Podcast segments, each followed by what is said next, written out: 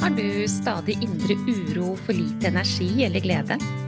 Ønsker du kartet for endring i dette? Hver episode er dedikert til å gi deg gullnøkler for livsglede og ro. Du får strategier og innspill som hjelper deg fra nedstemt til oppstemt og fra uro til ro. Vil du ha en gratis oppskrift for å lage deg gode dager? Gå til www.gayabalanse.no for din herlige morgenrutine.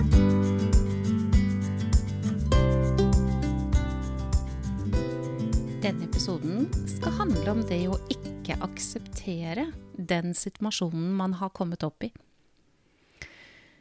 Jeg vet ikke hvordan det er med deg, kjære lytter, men eh, når noe blir på en måte som man ikke ønsker seg, hva skjer egentlig med deg da?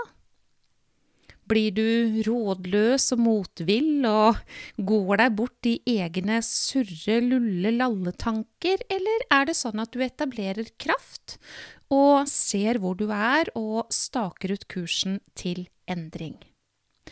For å kunne stake ut, altså stake ut den kursen til endring, så må man faktisk kunne se både hvor man er og hvor man skal. Gjennom årene så har jeg møtt veldig mange mennesker som har kommet til meg i dyp fortvilelse, f.eks. For overlatt til et mørke som de oppfatter som her kom jeg bare brått og plutselig. Plutselig ut av det blå hjem fra jobben den ettermiddagen så klarte jeg ikke å kjøre bilen. Jeg fikk altså et så stort fysisk ubehag at det var helt forferdelig for meg. Jeg måtte svinge bilen inn til siden og be om å bli hentet, jeg som alltid har håndtert. Jeg som har vært sterk og klart alt mulig. Kroppen min som har holdt i alle disse årene, og så plutselig, ut av det blå, så kom det symptomer som var helt forferdelige for meg. Bli med meg gjennom denne episoden, kjære du, fordi jeg kan love deg at det er ingenting som kommer ut av det blå. Og jeg kan også love deg at dersom ikke du aksepterer den tilstanden du har kommet i, så vil du sabotere for en mulighet til å komme deg ut av den, og skape de endringene som skal til for at du ikke kommer i samme situasjon igjen. Det finnes eh, en del mennesker som eh, kommer i en fysisk situasjon, altså hvor man er så stressyk at ingenting fungerer, og det blir mørkt både psykisk og fysisk på alle mulige måter, og følelser er overveldende og i det hele tatt, man orker jo bare ikke mer men som kommer seg ut av det etter tilstrekkelig tid, da. Fordi hvis man bare gir nervesystemet og systemet i seg selv nok tid, kanskje opp mot to år, så vil man kunne fungere sånn noenlunde igjen. Det gjelder de aller fleste. Men fra det og til å ikke komme i den situasjonen igjen. Det er jo det som er interessant. Og hvis ikke vi gjør noe på en annen måte, så vil jo den situasjonen komme igjen. For hva var det som var årsaken til at man kom inn i situasjonen i første rekke? Jo, det er summen av belastninger. Jeg har noen ganger tenkt på at hvis man hadde gjort en oversikt over det, over antallet mennesker som møter opp på legekontor og på legevakt med fysiske symptomer som tilsvarer angst og panikkanfall, så, og som tror at de får et hjerteinfarkt, så ville den statistikken fortalt oss veldig mye. De aller, aller, aller fleste som kommer inn på legekontor og i, på legevakten med den type symptomer, har heldigvis ikke fått et hjerteinfarkt, men de har fysiske symptomer som gjør at de tror det. Det er voldsomt, og det er vondt, og det er vanskelig, og det er i det hele tatt all grunn til å ta det på alvor. Vi skal aldri overse kroppens symptomer. Men når man kommer fram til at Nei, men det er ingenting galt med deg, alle prøver og alle verdier og hjertet ditt og alt, det er altså så fint, ja, da må man jo se på hva er det som egentlig har skjedd.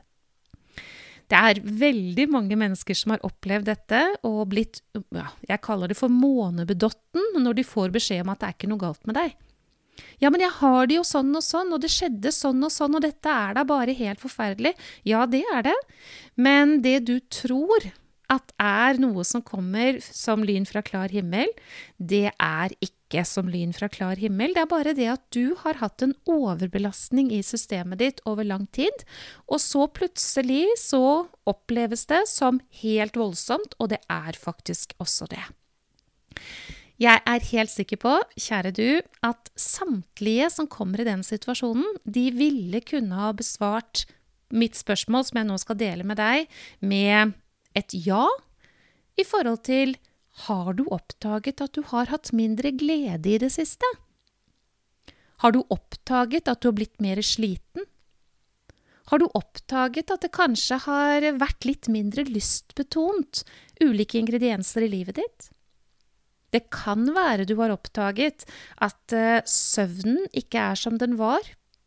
At du ikke føler deg så restituert om morgenen, f.eks. Det kan hende du har oppdaget det. Jeg er helt sikker på at dette vil man kunne kjenne igjen, i hvert fall flere av det, de symptomene eller det som jeg nevnte nå. Det er ikke sånn at kroppen går inn i et panikkanfall eller et angstanfall helt ut av det blå. Det er tålegrensen i nervesystemet som avgjør om de symptomene skal komme. Og hvis de kommer, altså de symptomene som gjør at mennesker havner på legevakta og får beskjed om at alt er i orden med deg Og det i seg selv, det er ganske forskrekkelig for en del, altså. Ja, her kommer jeg, og jeg har det på denne måten, og du sier at alt er vel med meg, liksom. Hva i alle dager? Men majoriteten av disse, de forstår ikke at det er summen av belastninger som man har hatt over tid, som er årsaken til det som har kommet. Ok, så sier jo legen nå sykemelder vi deg hvis man da er i eh, arbeid utenfor hjemmet. Så blir man sykemeldt fordi det må roes ned. Og kanskje møter man en lege som sier nå skal du jakte på glede. Fordi det vil være det motsatt av belastning i systemet. Dette når mennesker eh, lar seg selv være opptatt av glede, så skjer det noe positivt. Det styrker nervesystemet, det skjer noe positivt i tanken, det blir mindre stressaktivering og mindre belastning. Men det alene, å jakte på glede og tro at det skal være den medisinen som hjelper en til å komme seg ut av det mørket der, nei, det har jeg ingen tro på. Det må faktisk mer til, og ikke minst så må det endringer i årsaken til hvorfor man har kommet dit, og da må man se på hvordan man lever. Altså hvordan man ser verden, hvilke utfordringer man har, hvordan man møter disse. Man må se på faktisk den yngre utgaven av seg selv også. Hva er det som har vært belastning da man var barn, f.eks.? Er dette barnet blitt nok sett, nok hørt, nok forstått? Er det nok trygghet på innsiden her, eller hva er det som uroer meg, osv. Men hvis man ikke aksepterer at nå er det på denne måten, for så å begynne det arbeidet med å finne ut av hvorfor har jeg kommet hit? Altså hva er årsaken til at jeg har kommet hit? Nei, da kommer man ingen vei. Det er jeg helt sikker på. Så kan jo du si, for det har mange sagt før deg, ja, men Monica, det er kjempevanskelig å akseptere at jeg har det som jeg har det. Ja, vet du, jeg vet at det er utfordrende, men det er bare utfordrende fordi du skulle ønske at det var på en annen måte. Og den dagen du slutter å ønske at det er på en annen måte, men aksepterer at nå er det sånn her, og nå skal jeg finne en annen vei, ja, da begynner den prosessen. Det å ønske at noe er annerledes, det kan aldri få oss videre. Derimot så er det en stressord, fordi vi mangler da aksepten og anerkjennelsen av situasjonen vi er i. Dette med å ønske at det skal være på en annen måte, når jeg sier det til deg nå, så får jeg faktisk vondt i nakken. det er ikke så helt tilfeldig, fordi i nakken vår så sitter annet kommunikasjon. Og det å ønske at det skal være på en annen måte, det er kun motstand mot at det faktisk er som det er. Så den dagen mennesker møter det som har vært med ja, men sånn var det, det bare var på den måten, og det er vi ferdig med nå, det var da. Hva trenger jeg for den følelsen jeg hadde den gangen jeg var syv år? Hva trenger jeg for å trygge den yngre meg? Hva trenger jeg for å se dette annerledes? Og det som er nå, det er på denne måten, og det som kommer, det kommer. Der starter egentlig en tilfriskningsprosess for svært mange mennesker. Hva tror du skjer hvis man ikke aksepterer situasjonen? Er det sånn at da har vi massevis av tanker som skaper uro? Jeg er helt sikker på det. Mangel på aksept for situasjonen vil skape mange av de tankene, og det vil også sørge for at man ikke kommer seg videre. Det er på mange måter en selvsabotasje, men det er ikke så lett å se det før man eventuelt blir gjort oppmerksom på det. Selvsabotasje, kjære du, da klarer jeg ikke å la være å snakke om selvfølelse litt også i forhold til dette. Og mangel på aksept er definitivt skadelig for selvfølelse. Selvfølelse, det har du sikkert hørt jeg har snakket om i tidligere episoder, og har du ikke, så må du lytte til flere episoder av hva jeg deler her inne i denne podkasten. Virkelig. Men selvfølelse, enkelt sagt, det handler om å ta valg i livet, ha en tilnærming til livet og seg selv og alt og alle, med annet aksept, men i hvert fall i forhold til 'jeg har 100% verdi'. Og hvis jeg tar valg og har tanker som går i retning av 100% verdi, ja, men da aksepterer jeg jo situasjonen. Hvis jeg ikke aksepterer situasjonen jeg har kommet opp i, ja, men da bekrefter jeg ikke 100% verdi. For da skulle det ha vært på en annen måte. Og det går faktisk ikke.